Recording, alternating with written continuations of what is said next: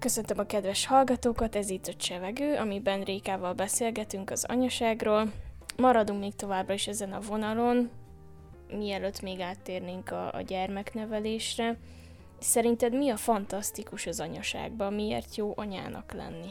Hát ez egy nagyon-nagyon nehéz kérdés, nagyon sokat szoktam rajta agyalni.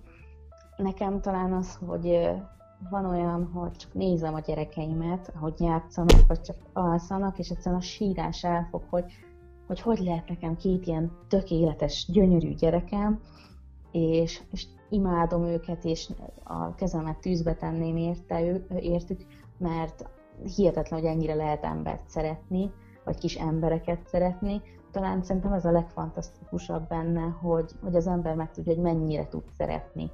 Mert előtte ilyet soha nem tapasztaltam, mint mióta a gyermekem van.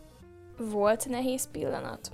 Persze, sőt, mindig van nehéz pillanat, de ezen általában túl tudunk lendülni, türelem, sok türelem kell hozzá, meg az, hogy higgyünk abban, hogy ez elmúlik tényleg, előbb vagy utóbb, mindenre van megoldás.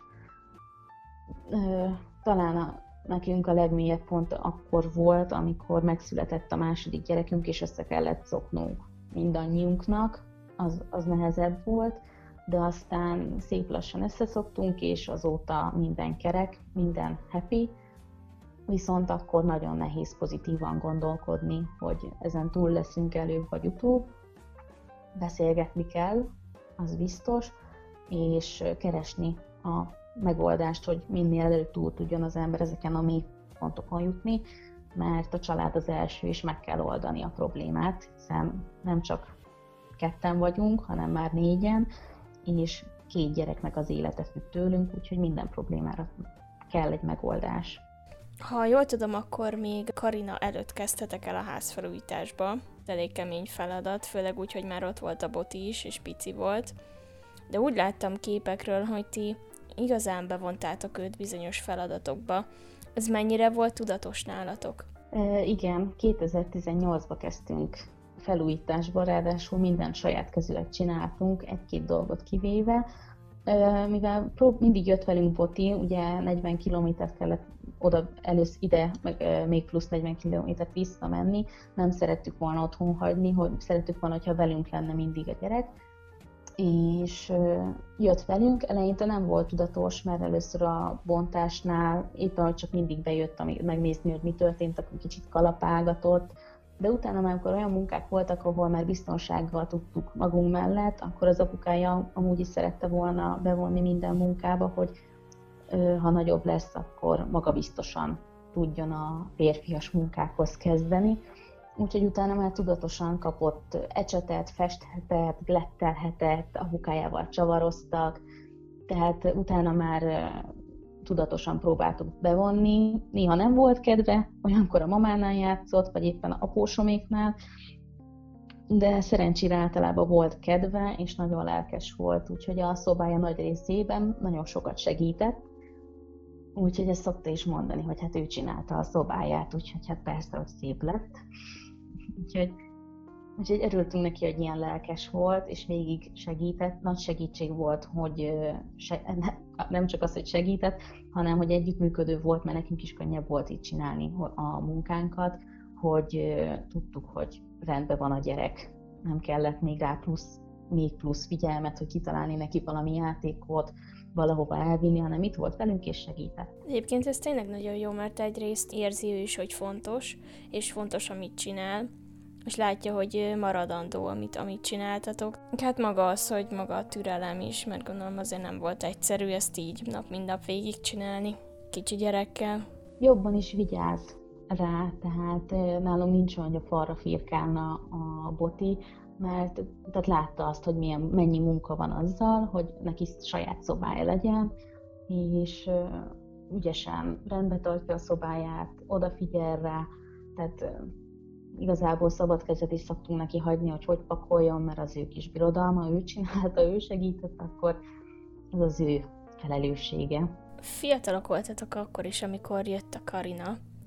Nálatok ez fontos volt, hogy ne legyen több év a korkülönbség a két kisgyerek között? Igen, bár így is soknak tartjuk a korkülönbséget. Előbb szerettük volna, hogy legyen kis testvére Botinak, viszont fontosabb volt a saját ház, mint a kis tesó. Hát négy év van közöttük, és szerettünk volna, szerettük volna, hogyha fiatalon lenne második gyerekünk, illetve hogy ne legyen közöttük nagy a korkülönbség, mert így tudnak még közösen játszani, sok a közös élmény együtt. Jobb lett volna, hogyha két év vagy három év lett volna, így alakult.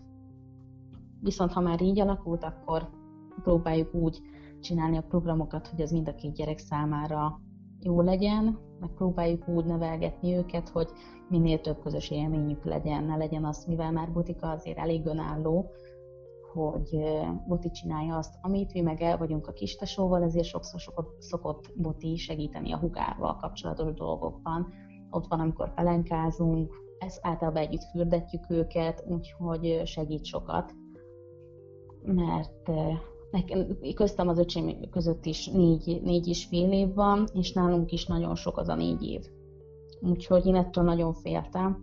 Viszont én úgy látom, hogy ők jobb testvérek lesznek ettől függetlenül is, bár mi is jó testvérek vagyunk öcsémmel, de ők valahogy mégiscsak jobb testvérek lesznek. Igen, ez érdekes. Én is sokat beszélgettem így édesanyámmal és a testvéreimmel, mert mi is nagyon összetartó testvérek vagyunk, közöttünk három-három év van, és hogy vajon honnan kezdődött el ez az egész, de nyilván részben a nevelés is, és nálunk is hasonlóan alakult ez, hogy édesanyám bevont mindenbe. Tehát amikor már jött a kis öcsém, bátyám volt hat éves, én három, akkor mi is ott voltunk a fürdetésnél, a, a szoptatásnál is sokszor, és érdekelt minket ez az egész, szóval úgy gondolom, hogy tényleg innen indul el az elejétől az egész, és akkor, akkor kialakul egyfajta kapcsolat. Ugye említetted, hogy te is testvér mellett nőttél fel, mondjuk hát négy év, igen, én is úgy emlékszem, azt hittem, hogy több év van közöttetek, úgy tűnt, mintha a tesód sokkal kisebb lenne. Négy és fél, majdnem öt év a korkülönbség igen közöttünk, Uh, igen, nálunk az valahogy kicsit máshogy alakult, bár én is elég sok mindenbe voltam bomba, amikor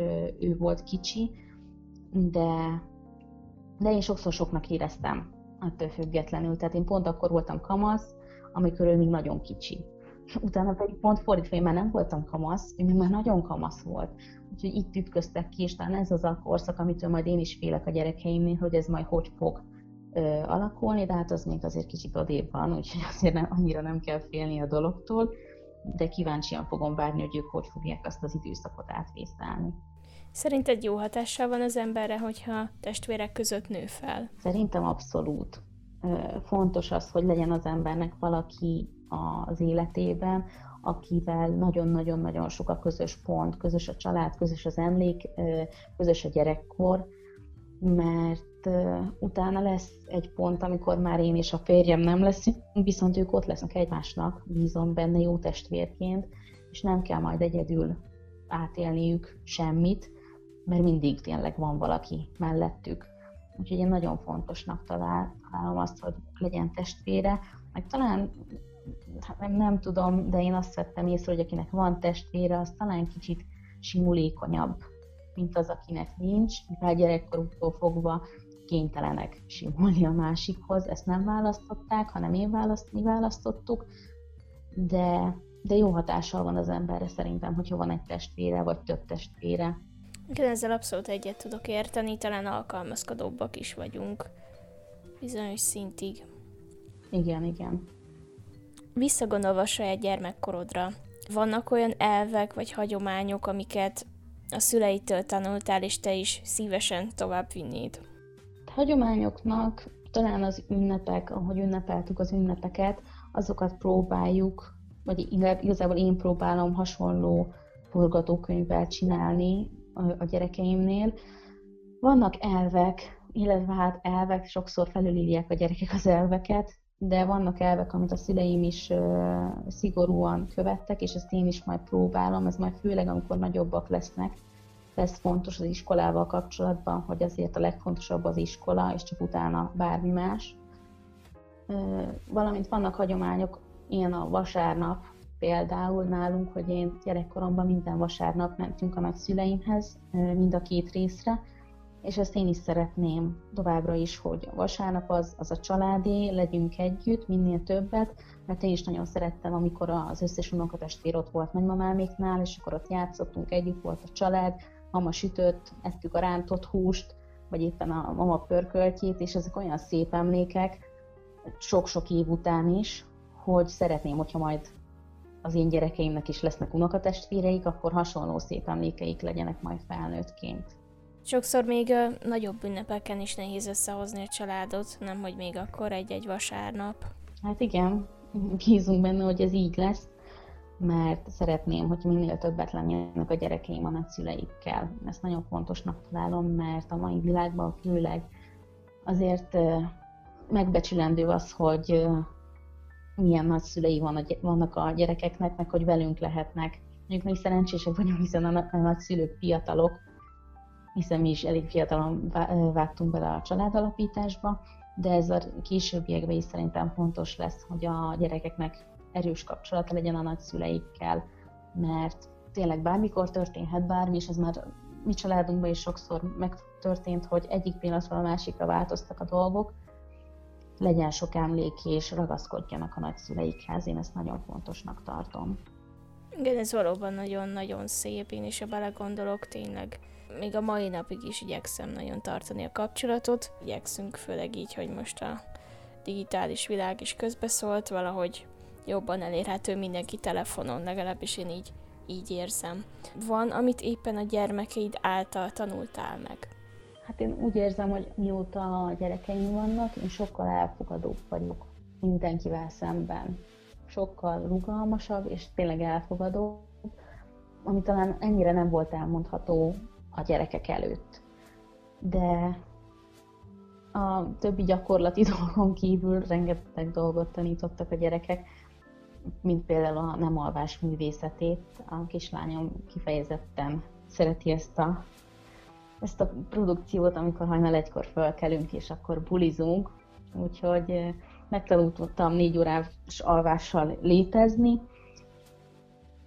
és hát szeretni, az biztos, hogy megtanítottak még inkább szeretni feltétel nélkül, mert tényleg még, hogyha éppen kiborítják a vizet, meg engem idegileg, akkor is hihetetlen, hogy mennyire lehet imádni egy gyereket. Hogyan tudsz feltöltődni a két kicsi mellett? Hát én nagyon szeretnék olvasni. Én nagyon szeretek olvasni, és hogyha időm engedi, meg nem vagyok-e annyira fáradt, akkor olvasással töltöm a pihenőidőmet illetve nagyon szeretek kreatívkodni, az most annyira nem működik, így, hogy itthon van mind a két gyerek. Ami kiszokott kapcsolni, az viszont, és nagyon kikapcsol, az az, hogy én általában, hogyha jó idő van, de hogyha még esik egy kicsit az eső, akkor is bot így gyalog viszem az óvodába, ami elég messze van tőlünk, majdnem két kilométer, és a séta engem rendkívül mód kikapcsol. És akkor odafele rohanás, de hazafele viszont lassan, nyugodtan, gondolkodva tudok hazasétálni tolva a babakocsit, és az engem nagyon ki tud kapcsolni, hogy kicsit nem kell rohanni, kicsit nem kell annyira odafigyelni, úgyhogy ez nagyon fel tud töltődni egy-egy nagy séta. Mondjuk ez régen is igaz volt, nagyon szerettem régen is sétálni, de most ezt visszahoztam az életembe, ami így a Covid idején még talán lehet is csinálni, nem úgy, mint például az edzés, amit régen nagyon szerettem, de most, most sétálunk, amennyit csak lehet, és akkor ez a gyerekeket is lefárasztja, meg engem is. És a Boti hogy bírja ezeket a sétákat? Hál' Istennek Boti nagyon jól bírja, pici korától kezdve nagyon sokat sétáltunk régen is, nagyon szeretett uh, sétálgatni a szülőfalumban is, ugye Szöllősről költöztünk Megkörösre, és ott is nagyon sokat sétált, vagy gyalog mentünk óvodába, vagy boltba éppenséggel, Úgyhogy nagyon jó, de azért sokszor van, hogy valamilyen járgányt viszek neki, rollert vagy biciklit, és akkor azért úgy jobban bírja, de hogyha gyalog kell jönni, akkor sincs semmi gond, lesétálja azt a két kilométert pikpak. Legalább utána jókat szokott aludni, mert tényleg lefárasztja meg az sok az élmény közben. Mit tudnál tanácsolni azoknak, akik fiatalon vágnának bele a család alapításba? Hát, sok minden, talán azt, hogy nagyon-nagyon jó tanácsokat tudnak adni mások, viszont nagyon szűrni kell azt, tehát tényleg csak azt fogadjuk el, ami, ami számunkra hasznos. mindenkit érdemes meghallgatni, meg szerintem meg is kell mindenkit hallgatni, viszont lehet szelektálni. A másik az, hogy talán meg kell, már akkor, amikor tervezi az ember a, kis, a kisbabáját, hogy gyereket szeretne, hogy kezdjen el rákészülni, hogy sokszor el kell engedni dolgokat, és nem szabad rágölcsönni a dolgokra, mert nálunk is így vagy megszülettek a gyerekek, és azóta sose úgy jön össze semmi, ahogy mi szeretnénk, és mindig újra kell tervezni, és mindig, de most már eljutottunk arra a pontra, hogyha valami nem úgy sikerül, akkor csak legyintünk egyet, és nevetünk, mert akkor máshogy oldjuk meg. Úgyhogy türelmesnek kell lenni, és a, az elengedés művészetét nagyon gyorsan szerintem még a gyermek születése előtt tanulja meg az ember, mert megkönnyíti a saját életét. Nem gondoltam erre az újratervezésre, de most, hogy így belegondolok, abszolút így logikus. Igen, valóban tényleg megváltoztathatja az életet teljesen, hogyha már nem csak ketten vagytok, hanem, hanem vannak gyerekek is. Én igazából tényleg nagyon tisztelem azt, hogy ilyen fiatalon belevágtatok, nem csak gyerekvállalásba, hanem maga házfelújítást, tehát tényleg nem egyszerű, főleg gyerekek mellett, akármilyen nehéz is a mai világban fiatalnak lenni, vagy vannak nehézségek, szembenéztetek vele a nehézségekkel is. És valóban én is azt gondolom, hogy sok problémát úgy lehetne megoldani az életben, hogyha ha beszélgetünk sokat, vagy beszélünk róla. És talán sok párkapcsolatot is így meg lehetne menteni, hogyha beszélgetünk. És amit mondtál is, hogy, hogy ti is így próbáljátok a problémákat megoldani, vagy nehézségeket, vagy ha nagyon lent vagytok, hogy megbeszélétek, ez tényleg nagyon jó. Mindig azt szoktuk mondani, amikor olyan van és beszélgetünk, hogy érdemes megbeszélni, mert mi nagyon szeretjük egymást, és lehet, hogy lenne szebb, lehet, hogy lenne okosabb, de ott is lennének ugyanúgy problémák, ott is lenne egymásnak veszülés, inkább akkor beszéljük meg, ha már van egy szép családunk, mert megéri a családért bármikor küzdeni, és szerintem nekünk azért nem volt az életünkben olyan probléma, amit ne lehetett volna megoldani. Úgyhogy szerintem tényleg beszélgetni kell, és megoldani a problémákat, mert nincs olyan probléma, amit ne lehetne megoldani. Szerintem legalábbis. Így van, és tényleg azért vannak a problémák, hogy megoldjuk őket.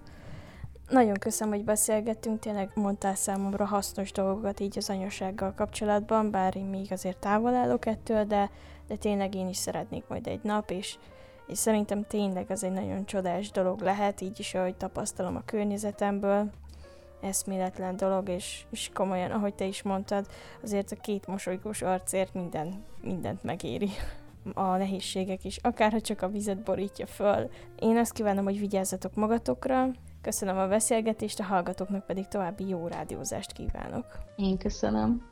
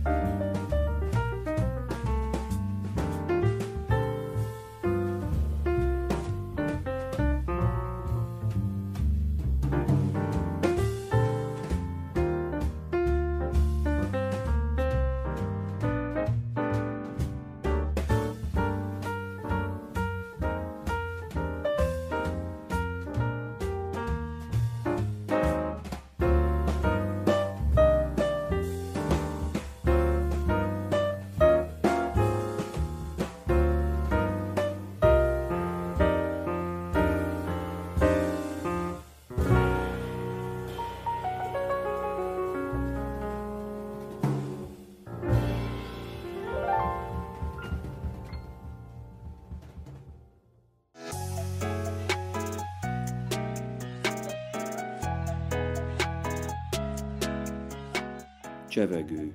Ismerősök innen és túl, Ceglédről és túl. A Mária Rádió Ceglédi adásának beszélgetős műsorát hallották. Szerkesztő riporter Cigány Elizabeth.